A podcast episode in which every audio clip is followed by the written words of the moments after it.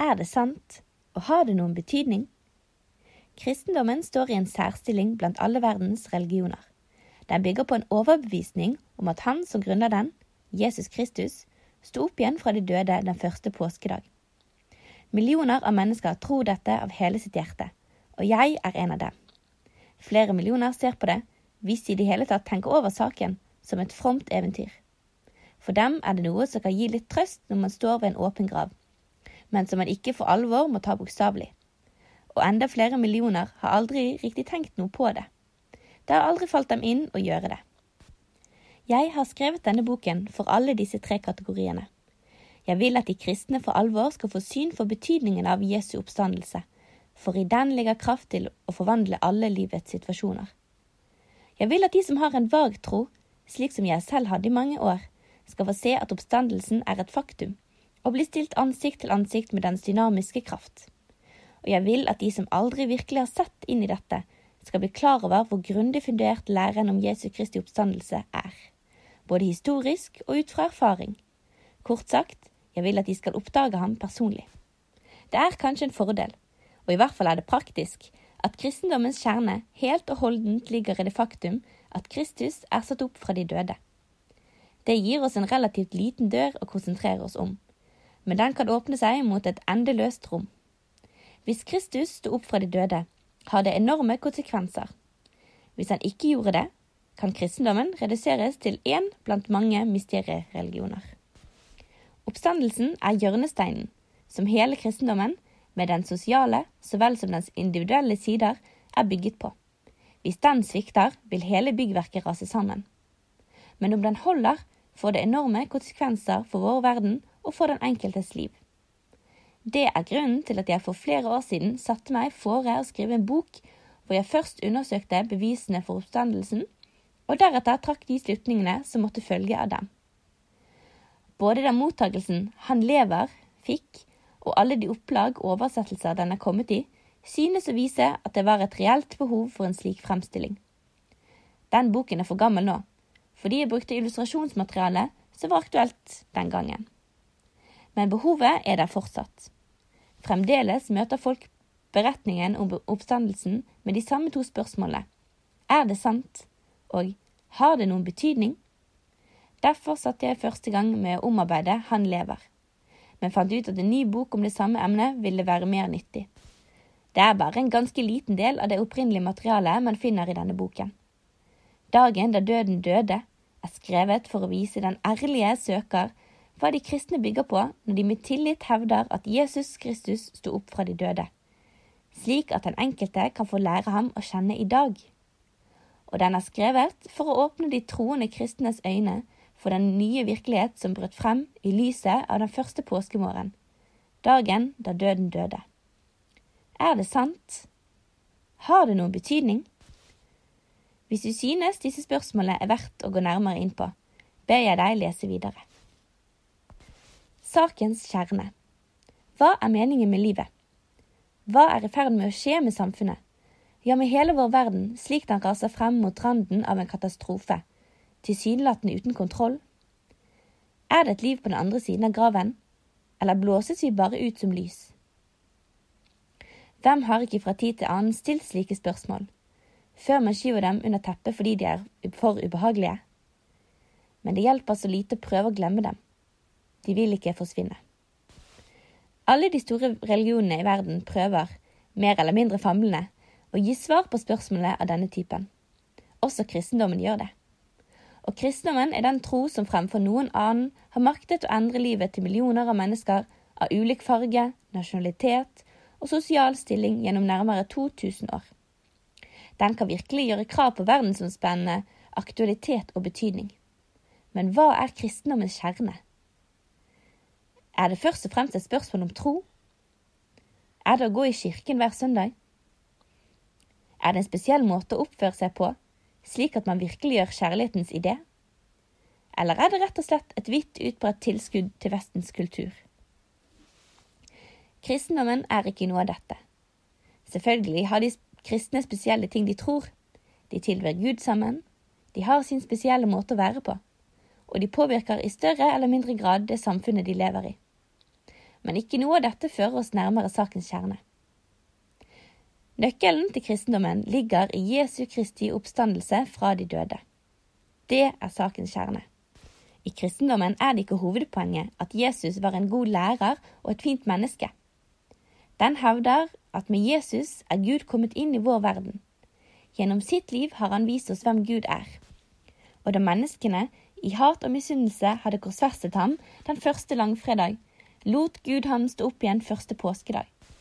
Dermed godtgjorde han at Jesu lære var sann, og at han hadde levd og gått til døden for å frelse menneskene. Dette er, og har alltid vært, hva den kristne kirke lærer. Så hvis du ønsker å finne ut om kristendommen er sann, uavhengig av om du godtar de svarene den gir på problemene ute i verden, så må du begynne med oppstandelsen. Professor CEM Joed, tidligere radioreporter og filosof ved London universitet, ble en gang spurt om hvilken historisk skikkelse han helst ville ha møtt, og om hva han helst ville spurt vedkommende om. Han svarte at han aller helst ville ha møtt Jesus Kristus, og at han ville ha stilt ham det viktigste spørsmålet i verden. Sto du opp fra de døde, eller gjorde du ikke? Det var et område på slagmarken ved Waterloo som ble mistet og gjenerobret tre ganger i løpet av den skjebnesvangre dagen. Både Napoleon og Wellington var klar over hvor viktig det området var, og konsentrerte oppmerksomheten om det. Og det var ikke minst britenes endelige erobring av dette området som avgjorde utfallet av krigen. Slik er det også med Jesu Kristi oppstandelse. Den har helt avgjørende betydning, både for troende og søkende. Oppstandelsen er kjernepunktet for kristendommen. Dette innså West og Littleton, to unge studenter i det kyniske og nytelsessyke 18. århundre, da vantroen var like moderne som i våre dager. De var venner av dr. Johnson og dikteren Alexander Pope, og de var barn av sin tid og bestemte seg for å angripe kristendommen ved roten. Derfor satte Littleton seg fore å motbevise at Saulus fra Tarsus ble omvendt til kristendommen, og West ville bevise at Jesus ikke var stått opp fra de døde. Da de møttes igjen, var de begge nokså skamfulle. Og begge hadde noe å bekjenne. Mens de lette etter bevis, var det helt andre konklusjoner enn dem de hadde ønsket å komme til, som trengte seg frem. Littleton hadde for sitt vedkommende funnet ugjendrivelige bevis på at Saulus, den tidligere så berømte forfølgeren av de kristne, virkelig ble omvendt og fremsto under navnet Paulus som den største misjonær den kristne kirke noen gang hadde hatt. Og West var blitt overbevist om at Jesus var stått opp fra de døde. Han har skrevet følgende advarsel foran i boken Observations on the History and Evidence of the Resurrection of Jesus Christ, 1747. Døm ikke før du har undersøkt sannheten. En ung journalist i våre dager hadde mest tro på de negative konklusjonene som skeptiske teologer kom frem til. Han beundret Jesus som person, men følte at beretningen om ham hvilte på historisk usikkert grunnlag, og at evangeliene var upålitelige og avleggs. Han var overbevist om at det ikke skjer under i våre dager, og at de heller ikke skjedde den gangen. Men beretningen om Jesus fengslet han. Han bestemte seg for å se nærmere på saken når han fikk tid, og skrive en fintfølende og troverdig redegjørelse om Jesus' siste tragiske dager, de som ble slutten på et minneverdig liv. Men da han begynte å undersøke bevismaterialet, ble også han, på samme måte som Gilbert West, tvunget til å skrive boken fra den andre siden. Frank Morrisons Who Moved the Stone har hatt enorm popularitet og betydning. Ærlig nok har han kalt første kapittel Boken som nektet å bli skrevet. Bevisene for at Jesus Kristus sto opp fra de døde, er svært sterke. Jeg ber deg bli med og undersøke en del av dem, for det er utvilsomt på den måten man best kan teste kristendommen. I oppstandelsen ser vi best meningen og målet med livet. Den er sakens kjerne. Om det er aldri så sentralt, så er oppstandelsen et område mange av dem som kaller seg kristne, merkelig nok unngår.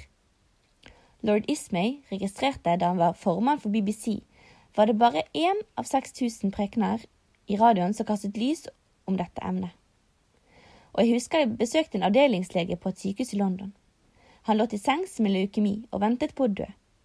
Han var spesialist på sykdommen, og nå hadde han fått den selv. Jeg ble tilkalt, og han var sint. Ikke på grunn av sykdommen, selv om han bare var i 40-årene, men på kirkens ledere som driver med slik tåkeprat når det gjelder kristendommens kjerne. Han hadde vært agnostiker i mange år, men etter at han ble sengeliggende, hadde han lest to bøker som hadde gitt han en klar og frydefull tro på den oppstandende Jesus Kristus. Og han spurte meg, hvorfor har aldri noen gitt meg så klare beviser før? Tenk på hvor mye som står og faller med Jesu Kristi oppstandelse. Hvis det er sant, kan vi være sikre på at Gud finnes. Og samtidig ser vi at han må være slik Jesus forkynte at han var. En som ikke bare skapte oss, men som elsker oss og bryr seg så mye om oss at han ble en av oss. Hvis det er sant, så finnes det et liv etter døden. Da kan vi tro på det Jesus sa, at i hans fars hus er det mange rom. Han kom tilbake fra de døde og beviste det han hadde sagt var sant. Hvis det er sant, er Jesus virkelig veien, sannheten og livet. Ingen annen religion har vært i stand til å hevde og føre sannsynlighetsbevis for at han som grunner den, er stått opp fra de døde og lever i dag. Jesus må med rette kunne sies å være broen mellom Gud og mennesker, hvis han sto opp fra de døde. Hvis det er sant, så har menneskeheten en framtid.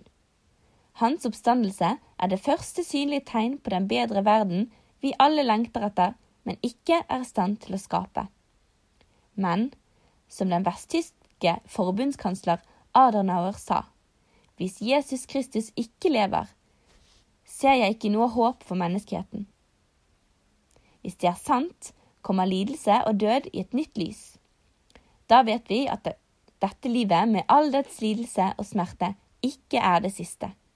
Tvert imot, dette livet blir en skole for evigheten. Første påskedag var dagen da døden døde. De som kjenner den oppstandende Kristus, skal tilbringe evigheten sammen med ham.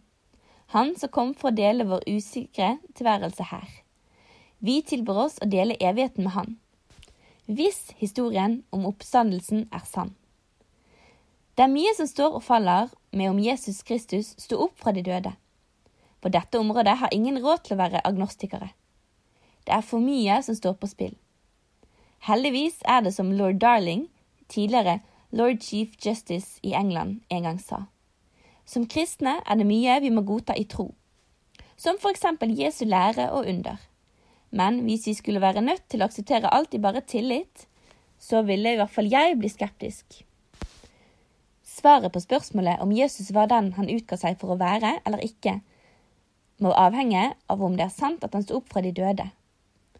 Og på dette viktigste punktet er vi ikke bare henvist til å tro. Det er så mange overveldende bevis, så vel positive som negative, både faktiske og sannsynlige, som taler for at dette er en levende sannhet. At ingen troverdig jury i hele verden kunne unnlate å felle den dommen at oppstandelsen er et faktum. Dommeren hadde utvilsomt rett da han så oppstandelsen som den krumtappen hele kristendommen dreier seg om. Hadde han også rett da han konkluderte med at det faktisk har skjedd, hvor utrolig det enn høres ut? Det er det spørsmålet vi skal ta for oss i de neste kapitlene.